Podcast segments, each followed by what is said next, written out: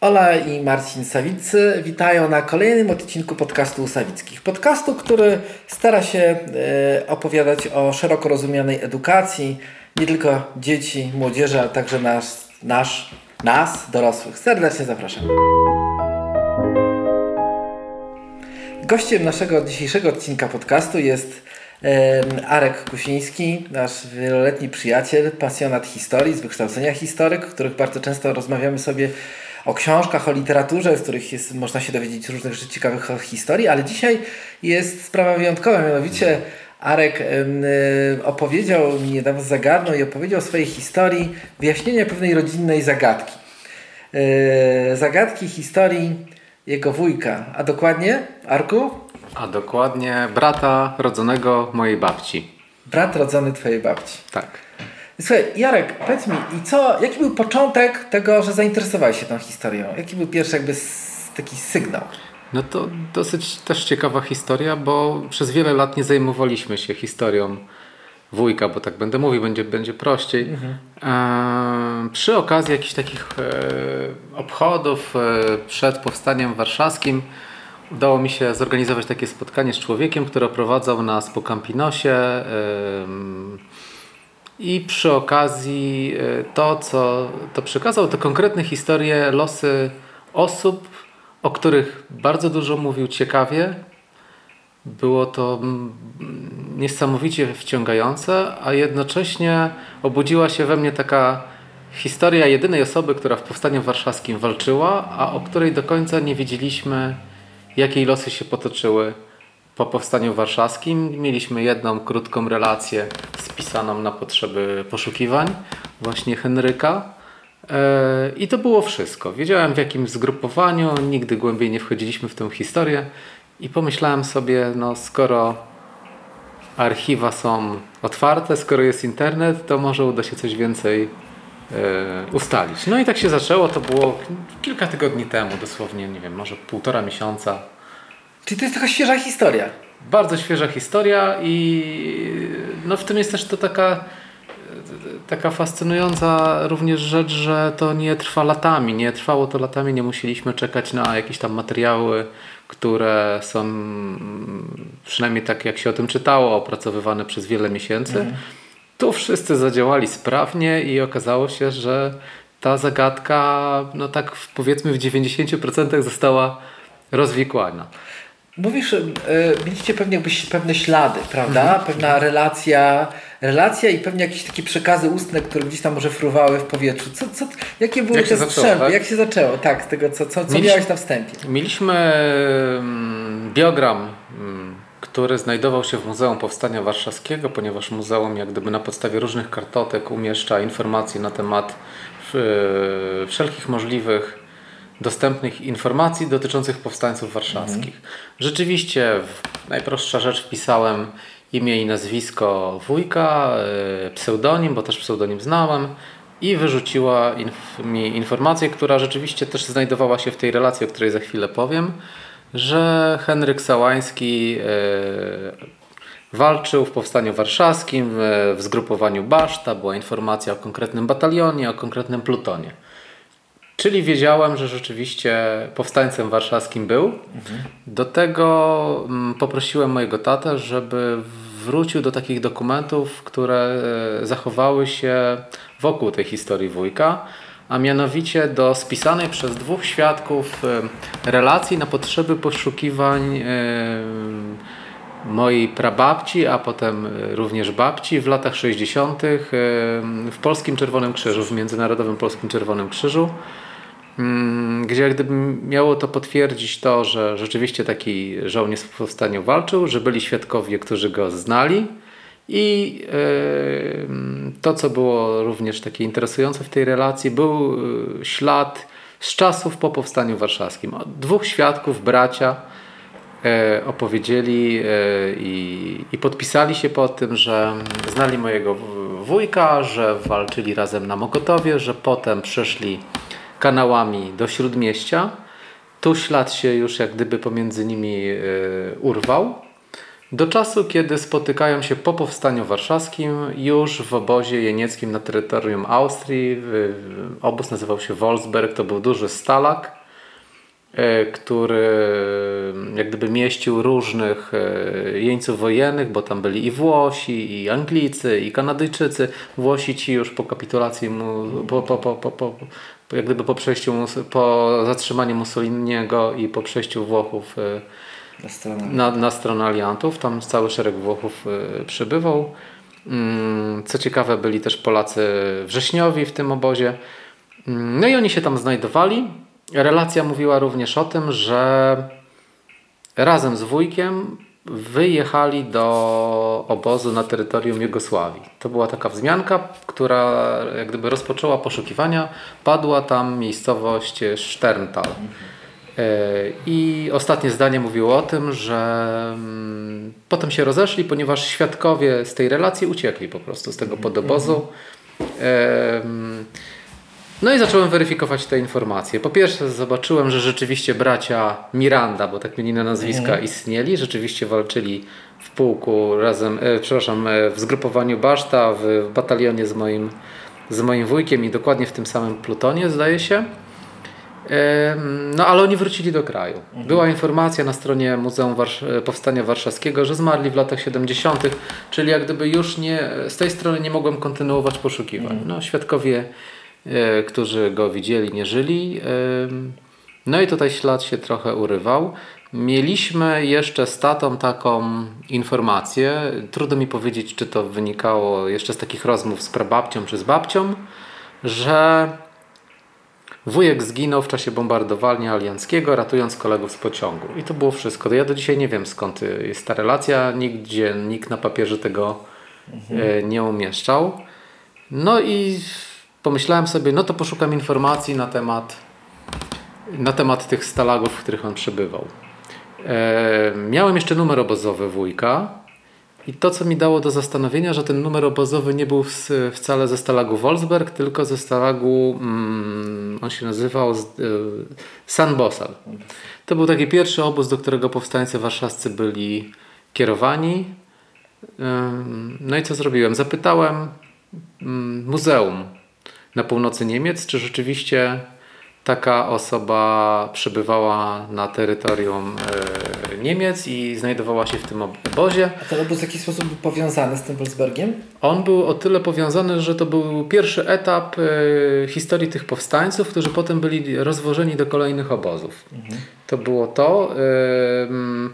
Te dane również potwierdziły się w Muzeum Powstania Warszawskiego, bo ja w pewnym momencie zrównolegliłem pracę i zacząłem odpytywać wszelkie możliwe miejsca, które mogłyby potencjalnie mieć informacje na temat wujka.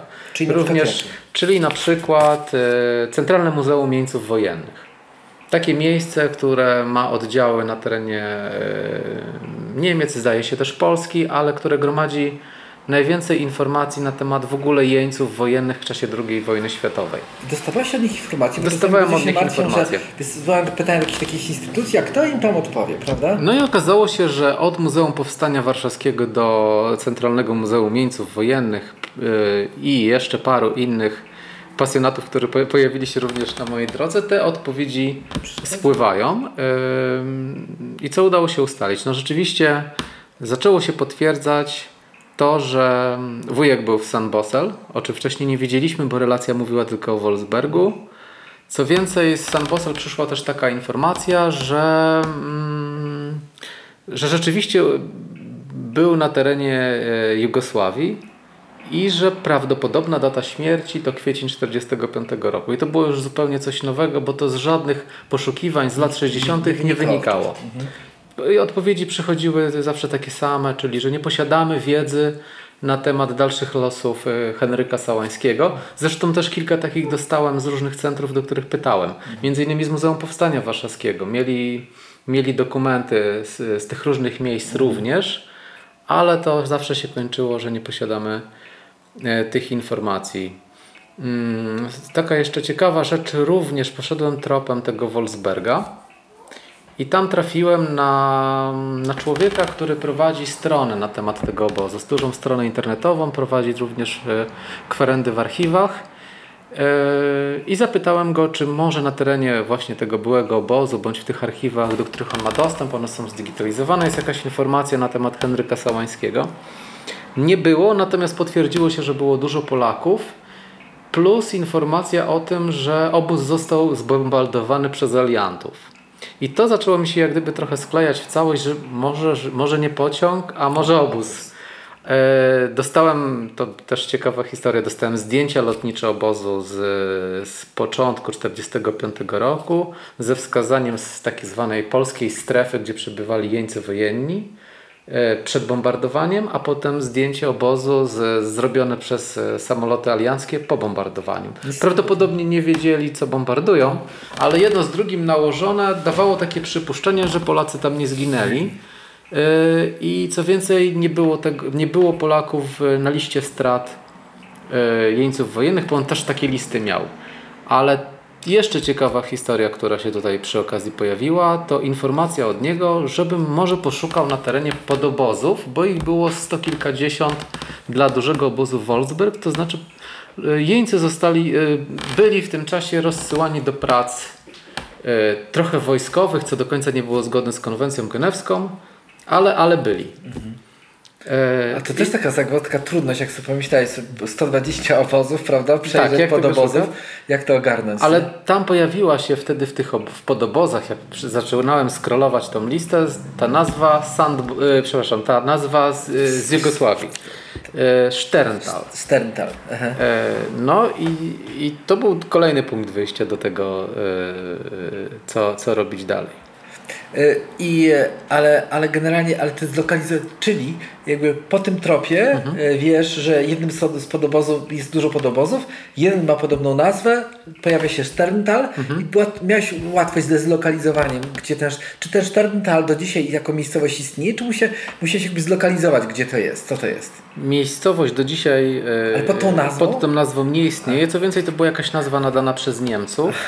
Do tego była jeszcze nazwa jugosławiaństwa, jugosławiańska, o której się dowiedziałem potem i e, nazwa obecna na terytorium Słowenii. Mhm. Historia obozu była dosyć taka rozbudowana, ale nie z tego względu, że tam był obóz pracy dla jeńców wojennych, tylko dlatego, że jak się skończyła wojna, to na terenie tego obozu byli gromadzeni Niemcy, którzy tam w ogromnych ilościach byli zabijani. I kobiety, i dzieci chodziło o jakichś tam Niemców z konkretnych rejonów Jugosławii zebranych jeszcze. Takich cennych mieszkańców, ale, ale no taki odpowiednik moim zdaniem takiej, lek- takiej, takiej zemsty na tym, co, co oni e, robili nam, to my robiliśmy im, czyli zakładali już Jugosławianie obozy i tam przetrzymywali po II wojnie światowej Aha. jeszcze. To jest zupełnie osobna historia, mało znana. E, kilkadziesiąt tysięcy osób zginęło w takich obozach. E, stąd ta nazwa tak, miała taką nie, niechlubną historię. No i pojawił się ten obóz. Y, no i co zacząłem robić? Y, no najprostszą rzecz, jaka jest możliwa. Zacząłem po nazwie wyszukiwać jakieś informacji na temat Sterntal i naprawdę miałem mnóstwo szczęścia, bo okazało się, że znalazłem relacje, relacje z tak zwanej historii mówionej Powstania Warszawskiego, powstańca warszawskiego, który opisuje swoją całą taką ścieżkę okupacyjną, udział w Powstaniu Warszawskim, ale to, co mnie zaciekawiło i było jak gdyby takim, no, było takim trafieniem w punkt, to jego opowieść o tym, jak właśnie powstańcy warszawscy byli kierowani do obozu tego na północy Niemiec, potem jak z różnych przyczyn, ale najczęściej takich, żeby sobie poprawić jak gdyby swój byt, zdecydowali się na wyjazd do Wolfsbergu, a i, i potem jak z, Wolber, z Wolfsbergu byli kierowani do Jugosławii, gdzie pojawia się nazwa tego obozu, w którym bezpośredni świadek był. I... A tak, tak. wiedzieć słowo, tak mhm. prosto zabrzmi. A, poszukałem w tych relacjach i tak mhm. dalej. Ale y, jak niektórzy słuchają tego podcastu, mogą mhm. zastanawiać się, dobrze, chciałbym z tego skorzystać, ale co zrobiłem? Musiałem słuchać wszystkich całych ustnych relacji. Czy nie, mogłem... nie. Jak to technicznie można było zrobić? Technicznie było to naprawdę bardzo wygodne, ponieważ Powstanie Warszawskie, Muzeum Powstania Warszawskiego yy, zrobiło taki scenopis tego, co powstańcy yy, dyktowali, bo to przy, była rozmowa pani y, dziennikarz, czy pani redaktor, która tam w ramach też prac w Muzeum Powstania Warszawskiego no dobrze przygotowana, odpytywała y, powstańców. I to się wydarzyło na moje szczęście w 2019 roku, to znaczy już miało odzwierciedlenie e, to, co było nagrane, na to, co było do przeczytania.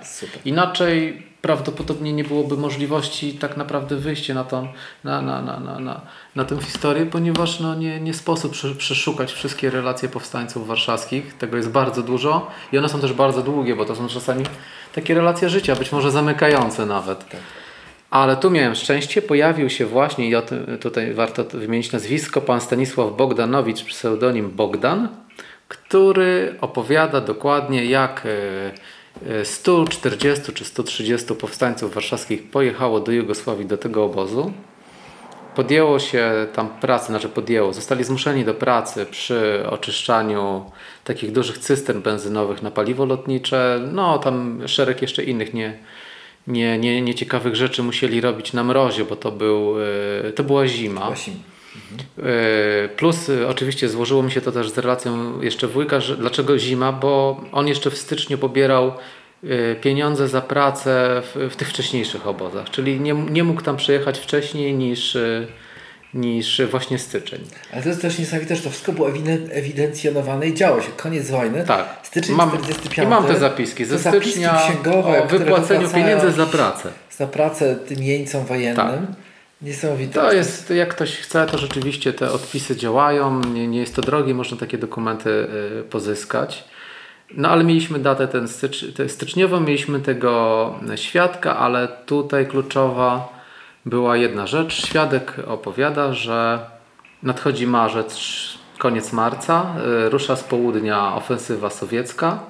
Niemcy z Wolfsberga wysyłają dwa wagony i lokomotywę, żeby zebrać więźniów z terytorium Jugosławii z powrotem do obozu w Wolfsbergu. Bo to był jak gdyby ich obóz macierzysty, a te komanda, które, ta nazwa komanda, to, to właśnie są te podobozy pracy nieduże, w których oni e, niewolniczo pracują. I, no i tutaj będąc, żeby, być precyzyjnym, ta historia mniej więcej brzmi tak, że e, na jakiejś s- stacji przeładunkowej, tam już większość e, jak gdyby elementów stacji jest zniszczona, są zapakowani do pociągu, jadą w kierunku Wolfsberga, jadą przez Jugosławię, kier- przez, przez Alpy. E, I tam ma miejsce takie wydarzenie, które on, co, co ciekawe, opisuje właściwie co do dnia, bo mówi, że 1 kwietnia 45 roku, w Wielkanoc, to jeszcze muszę sprawdzić, czy Wielkanoc wtedy wypadała, jeszcze tego nie zdążyłem zrobić, e, zostaliśmy mm, zaatakowani przez lotnictwo alianckie. E, A dlaczego zostali zaatakowani? Bo trochę tego nie, o tym nie zdążyłem powiedzieć. E, Opisuje, że w noc poprzedzającą to wydarzenie do tych składów, które nie wracali, Niemcy podpięli trzy składy pułku Luftwaffe e, z ciężkim uzbrojeniem przeciwlotniczym. To doprowadziło do tego, że Amerykanie myśleli, że atakują skład wojskowy, a zaatakowali e, wagony, w których powstańcy warszawscy wracali z pracy z Jugosławii do Wolfsbergu. E, Wagony były zamknięte. Ta relacja jest rzeczywiście taka dosyć brutalna. On opisuje ilu, znaczy jak ci powstańcy ginęli, nie mogli otworzyć wagonów, wybuchała amunicja, a tam te pociągi też przywoziły miny lotnicze, także komu się udało, to, to, to jak najszybciej uciekał. Zresztą e, nikt przy tych składach się potem nie zatrzymywał. To aż taki miał efekt e, e, Niszczący. niszczący. W związku z tym ci, co mogli, to szybko się zwinęli. Zresztą świadek też został ranny, ciężko ranny, ale y, udało mu się dotrzeć do jakiegoś szpitala. Mm, Czyli y, no, do, doszliśmy do momentu, kiedy pojawił się pociąg, pojawił się atak y, aliancki, pojawili się powstańcy, którzy próbowali uczcić i się w jakiś sposób ratować, no i mieliśmy datę. E, No i to był ten moment, że zacząłem się zastanawiać, no, na ile to jest prawdopodobna historia zakończenia życia mojego wujka. Mm, ale biorąc pod uwagę fakt, że śladu po nim już nie było e, po wojnie, e, nie wstąpił do partyzanckiej jugosławiańskiej, bo stamtąd ci Polacy, co ciekawe, wracali i, no, i chyba żaden nie zginął ze względu na to, że to też zupełnie osobna relacja byli no, z, za bardzo Jugosławianie ich nie włączali w, w, końcu, w, w, końcowej fazie walk z różnych powodów. Y, no ale oni tak byli. To było... Ale wspominałeś, że też z takiego powodu, że oni byli takimi zakapiorami. Tak, a to, generalnie... były, to były takie struktury międzynarodowe, bo tam nie tylko Polacy byli w tych aha, jednostkach aha. Y, partyzanckich. Także no, te historie osób, które, którym udało się uciec i wstąpiły do partyzanckich, no zawsze miały taki, takie zakończenie, że y, mogliśmy prześledzić, mogłem prześledzić te losy tych osób dalej. Czy to była emigracja, czy powrót do Polski, czy praca w fabryce, nie wiem, w Ursusie, to, to tutaj to, to ta klamra była, a w przypadku mojego wujka no, ślad się kończy. E, wiedzieliśmy, wiedziałem jeszcze do, dokąd dojechał e, skład, bo lokomotywa jeszcze jakoś siłą rozpędu zjechała do, do miejscowości. Teraz sobie nie jestem w stanie tego przypomnieć, ale nad rzeką Drawa, już przy granicy właśnie włosko-austriackiej. No i to był taki koniec historii. To, co jeszcze próbowałem zrobić, to, do, to dowiedzieć się, czy ten świadek żyje. Skoro relacja była z 2019 roku, to mm, skierowałem parę takich zapytań do Muzeum Powstania Warszawskiego. Okazało się, że jest coś takiego jak taki zespół opiekujący się powstańcami zapytałem tam. Poproszono mnie o to, żeby przygotować pytania, bo okazało się, że, że pan Bogdan żyje. Mhm. E, I tutaj zależało mi na takim spotkaniu bezpośrednim, pokazaniu zdjęcia wujka, bo to zdjęcie jedyne mieliśmy e, w rodzinie, ale no, ten, no, taką wspólną decyzją umówiliśmy się, że to pytanie pójdą, czyli ten mm, opiekun zada to pytanie bezpośrednio panu Bogdanowi. No i pan Bogdan znowu po iluś latach, no bo pewnie nie wracał do tej historii, e, dokładnie z detalami opowiedział, co się wtedy wydarzyło, podał jeszcze pseudonim znanych mu osób, które zginęły. No wujka niestety nie znał, ani z pseudonimu, ani z nazwiska, no ale po tylu latach to być może kojarzyłby twarz, a być może nie. E, no i niestety nie, nie był w stanie odpowiedzieć na takie kluczowe pytanie, które tę historię by zamykało, czyli czy, czyli czy wie, gdzie pochowano tych, którzy zginęli? Bo wiadomo było, że zginęli Niemcy, bo on o tym mówi, którzy jak gdyby transportowali e, jeńców. E, zginęli powstańcy, zginęli, e, zginęły osoby, które pociąg prowadziły cały, czyli maszynista i, i jeszcze osoby ze składu. No nie, nie pamiętał, nie wiedział, ale też dał do zrozumienia, że no było tyle fajerwerków, że pewnie mało kto by się ostał, nawet gdyby. Tak, tak. To była jadka i on wyraźnie powiedział, działo się tak źle, że wszyscy, którzy y, mogli uciec z pociągu, od razu kierowali się w góry i do lasu. E, I, i nikt się nie zastanawiał. Co jeszcze tutaj taka jedna relacja, która w międzyczasie wyszła i to też zrobiłem dzięki temu, że miałem dostęp do internetu i temu, że y, pewne publikacje już są całe wrzucane w PDF-ie i z możliwością wyszukiwania po tekście, czyli dziennik y, powstańca warszawskiego z obozów z Wolfsbergu, który z datą 6 kwietnia pisze wrócili nasi koledzy z komando z terytorium Jugosławii, to znowu podaje nazwę Sterntal, Niestety 12 z nich zginęło w wyniku ataku na pociąg, w wyniku omyłkowego ataku alianckiego. Czyli nie jedna relacja, a dwie. Tak. Potem jeszcze jak gdyby znalazłem takie, mm, no nie, niedosłowne, ale jeszcze byli powstańcy, co w ogóle jest niesamowite, że no ich było stu kilkudziesięciu, a jednocześnie te relacje się zachowały. No historia bardzo niszowa. No. Tak. Z kilkudziesięciu tysięcy powstańców rozrzuconych po obozach. Ale tak, taka pajęczynka jednak łączy się, jakby daje tak. pewien obraz, który jakby można wykluczyć pewne jakby błędy w myśleniu na ten temat. No tak. No i no, no, no, i to, to był właściwie taki koniec historii, który no, w dużym prawdopodobieństwie skończył się tym, że wujek pomiędzy powiedzmy 1 a 3 kwietnia 1945 roku zginął właśnie w tym pociągu. E, niedaleko granicy, którą przejeżdżamy jadąc na wakacje do Włoch, bo to już naprawdę jest... Niedaleko tam Tarwizja czy gdzieś tam. Tak, tak, tak. I No i to, to, to.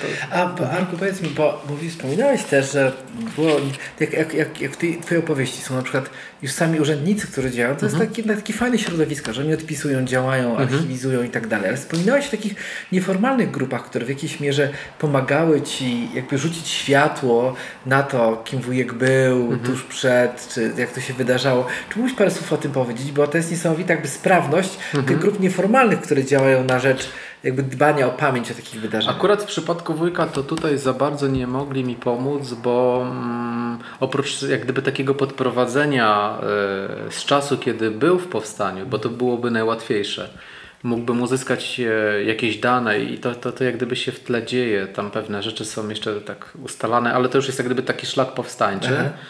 To rzeczywiście te grupy facebookowe, em, chociażby ocalić od zapomnienia, y, są świetnie przygotowane do tego, żeby zupełnie e, pro bono prowadzić e, takie działania e, identyfikujące po strzępkach informacji różne trudne historie. Podpowiadające co robić, gdzie zapytać, ale co ciekawe też gromadzące ogromne bazy danych informacji z tamtych czasów. E, Osoby nie będące historykami, osoby, które tam w wolnym czasie, nie wiem, bie- biegają z, z wykrywaczem metali, ale jednocześnie są specjalistami e, w swojej dziedzinie i to na tych forach rzeczywiście, e, rzeczywiście się sprawdza i chociażby ten przykład tego chłopaka, który odpowiadał mi ze Stanów Zjednoczonych w zakresie obozu Wolfsburg e, austriackiego, który po prostu chciał poukładać historię w ogóle jeńców e, alianckich e, w tym obozie na przestrzeni lat. Tam jest mnóstwo zdjęć. No, prowadził taką, taką kronikarską historię czegoś, co Tak jak ta historia z nie ma mundurem. monografii. Tak jak z tym mundurem, bo wspominałeś, że miałeś takie zdjęcie e, wujka w mundurze, prawda? To nie tego wujka, Nie tego to, wujka. To, to jest zupełnie... Ale to też pokazuje, jak sprawne są te grupy, prawda? Tak, no są w stanie identyfikować rzeczywiście po fragmentach e, munduru, oznaczeń, koloru, e, nie wiem, nawet układu w atelier różnych sprzętów, gdzieś to się mogło wydarzyć.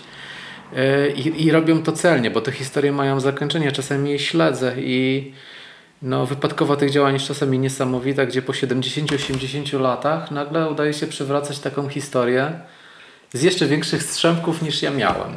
E, Ale też, też dla mnie, jakby ty zacząłeś też e, trochę tak mm, opo, tą opowieść o tym, skąd wzięło się jakby dla ciebie, w tobie, jakby też Mhm. ta chęć poszukiwania od spotkania z pasjonującym człowiekiem, który zajmuje się jakby, jakby zatrzymywaniem pamięci o, o, o powstańcach, Mhm. e, który jakby prowadzi część takiego, część Muzeum Powstania Warszawskiego. Zdaje się, że to nawet nie jest część, to się nazywa, mogę się pomylić, Muzeum Pamięci Powstania Warszawskiego na terytorium e, Narodowego Banku Polskiego, e, dosłownie w Skarbcu. Który Kiedy, znaczy kiedyś to był skarbiec i tam mm, gromadzi, no nie tylko on, ale jak gdyby ws- współprowadzi e, muzeum gromadzące e, pamiątki po powstańcach, ale z dużym skupieniem na indywidualne historie i opowieści o konkretnych ludziach. Czyli ym, no, no nie ma tam jakichś takich spektakularnych e, materiałów pokazujących tak gdyby skalę powstania warszawskiego, ale właśnie historię porucznika takiego, czy, czy, czy, czy, kogoś, inny, czy kogoś innego.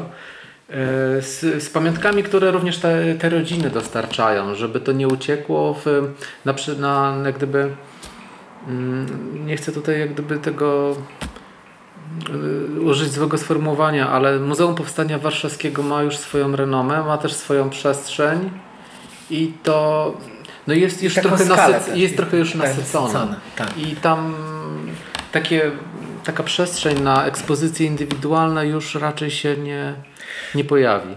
To, co jak Ty opowiadałeś, no bo rozmawialiśmy wcześniej też o tej historii, to mnie uderzyło to, jak e, to miejsce, te Muzeum Pamięci w Skarbcu i prowadzący to, to miejsce nastawieni są na dbałość na te indywidualne historie, bo z drugiej strony, na przykład tak osobiście jak dla mnie, to historia powstania czy różnych innych wydarzeń to jest historia bardzo konkretnych ludzi. Tak jak ty mówisz o swoim wujku. No przecież ten, ten chłopak, ile tata, ile wujek miał lat, e, jak, jak brał udział w powstaniu? Miał W 25 roku się urodził, mm, w 40, no 20, 20, lat. 20 lat chłopak, prawda? I on, i on jakby, te, tak jak się myślimy, od, odbywa tą swoją podróż, pierwszą podróż zagraniczną poprzez obozy od Austrii. Ponad przez tysiąc północne kilometrów, Niemcy, tak. Później trafia do, do Jugosławii, później tym pociągiem i w zasadzie idzie ku wolności, prawda? No I tak, przecież to jest jak kwiecień. Ginie w sytuacji, kiedy nawet nie może się obronić, a jednocześnie jest, jest chłopakiem bardzo doświadczonym, bo, bo nawalczył się w tym powstaniu. I Po szlaku w- bojowym, który przeszedł. szlaku- tak. Tak, to, to byli E, naprawdę I doświadczeni to żołnierze. przewracanie pamięci i słuchanie, i jakby poznawanie historii przez te, e, przez te, przez te życiorysy, albo, i albo też przez ludzi, których te życiorysy pasjonują. Bo Jak opowiedziałeś o tych ludziach z tego, z tego skarbca, w cudzysłowie, Mhm. to tak by biło z tej twojej opowieści o tym, że to są ludzie, którzy są jakby bardzo przejęci nie tylko swoją rolą, ale tym, co ci ludzie zrobili, jak oni żyli. Swoją rolą, rolą tych ludzi, ale też tym, co się stanie, jak już ich nie będzie. Mhm. Tych, którzy się teraz opiekują tymi muzeami. Tym muzeum, tak? tymi pamiątkami. Z takim baczeniem, co będzie, jak minie 5-10 lat, jak już nie będę się tym zajmował. Mhm. Mamy mnóstwo pamiątek, mamy mnóstwo takich historii, które są no, nie, nie, nie do przecenienia. No i co dalej? Czy będą następni, którzy to przejmą? No tutaj pomysł akurat y, jest taki, że no mamy też grupę rekonstrukcyjną y, zgrupowania Radosław, gdzie ci młodzi ludzie są przygotowywani do tego, żeby no, w tym etosie żyć, ale też ewentualnie przejąć y, to, co robią ci ludzie. No i to jest niesamowite, bo oni właściwie żyją cały czas nas, nasyceni takimi historiami. No, dotykają pamiątek. Yy, no, to, to, tak. A dla mnie też jest, jak opowiadałeś o tej całej historii, o o odzyskiwaniu jakby historii pamięci o swoim wujku, to, że przy okazji dowiadywania się i jakby zachowywania jego pamięci e, nachodzi też taki patchwork takich e, everyday life wojny i okupacyjnej Europy. Tak, Ja oczami wyobraźni widzę kogoś, kto wpisuje tą pensję, wypłacaną jakąś głodową pewnie, ale jednak ktoś wpisuje w jakichś księgach, trzyma to, jest to jego praca, ktoś mu za to płaci, ten system działa. Pada rozkaz, żeby przywieźć z jakiegoś podobozu dwa miesiące przed końcem I jadą wojny wagony, prawda? Kto ty- kto by ktoś wysyła te wagony, one jadą, ktoś podłącza. To wszystko, że, że jakby to w tym całym takim wydawałoby się już wielkim chaosie panującym w Europie, to jeszcze w ogóle jakoś funkcjonuje, to jakoś się toczy taką maszyną organizacyjną, a z drugiej strony każdy robi to, co tam ma robić w tym całym układance po tych wszystkich stronach. To prawda. Z tych takich poznawczych, historycznych, jak mówimy o uczeniu się historii, to dla, dlaczego też o tym mówimy? No, wydaje mi się, że jeszcze jesteśmy w czasach i, i jest takie miejsce w Europie, że w, w bardzo wielu rodzinach mamy takie historie. I tak jakby w kontekście tego podcastu i tej rozmowy, tak sobie myślałem, Żarek, jak ty o tym, ta rozmowa nasza no, mnie pobudziła do tego, żeby kontynuować poszukiwania historii związanych, które zacząłem kiedyś z moim pradziadkiem, prawda?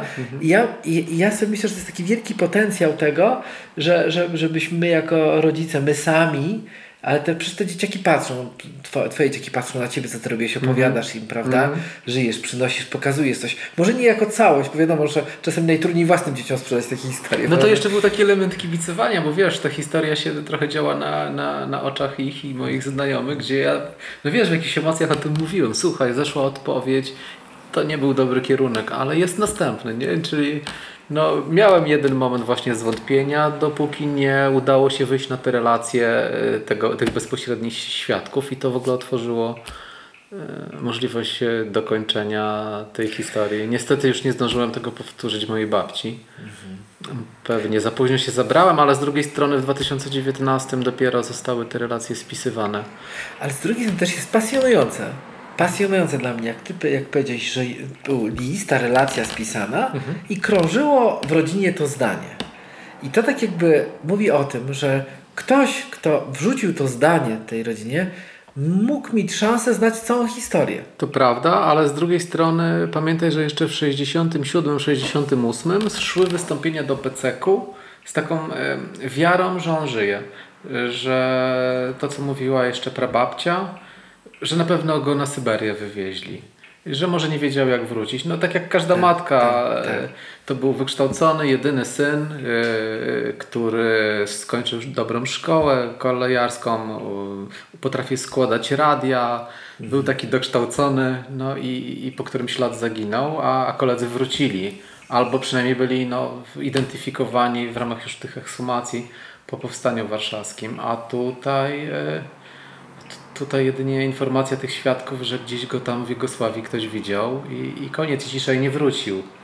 A tu mamy tych dwunastu, którzy, którzy rzeczywiście mamy potwierdzenie, że zginęło 12, 14, bo to trochę jest takich. To można powiedzieć w ten sposób, że w jakiś sposób e, odkryłeś historię jednego z tych dwunastu, ale czy natknąłeś się na sytuację, że pozosta- po, poznałeś nazwiska jakichkolwiek innych, e, którzy Dwóch zginęli? albo trzech jeszcze z relacji, e, Z tej relacji, co z świadków, których znali. Nie, to pisali dokładnie, że zginął mój przyjaciel i to imię i nazwisko. Szczerze mówiąc, jeszcze nie patrzyłem em, w, biogramiach Muzeum Powstania Warszawskiego, jaki jest spis na temat e, Tych właśnie osób. tych śmierci tych osób. Bo mógłbyś im podać, że... To, to teraz mi na, tak, Tak. dałeś do, do zrozumienia, że można by na to spojrzeć, ale to jeszcze było świeże i nie, nie, nie zajmowałem się tym.